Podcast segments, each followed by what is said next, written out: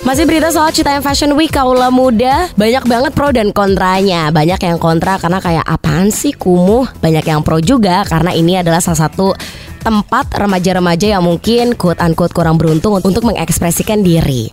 Nah, ada sisi gelap yang nggak bisa dihindari dari Citayam Fashion Week di tengah viralnya mereka, sorotan netizen ke mereka gitu ya. Ternyata banyak remaja yang tidur di atas jembatan karena nunggu kereta pagi katanya.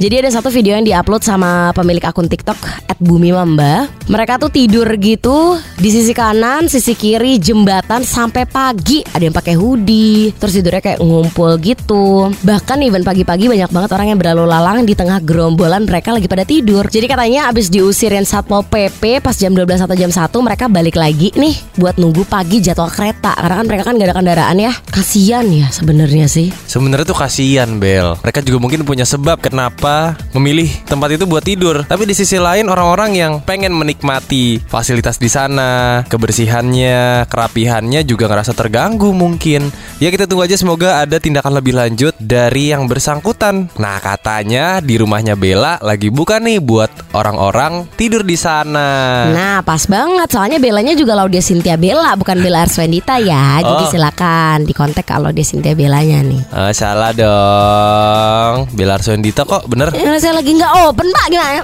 Kos-kosan emang Sorry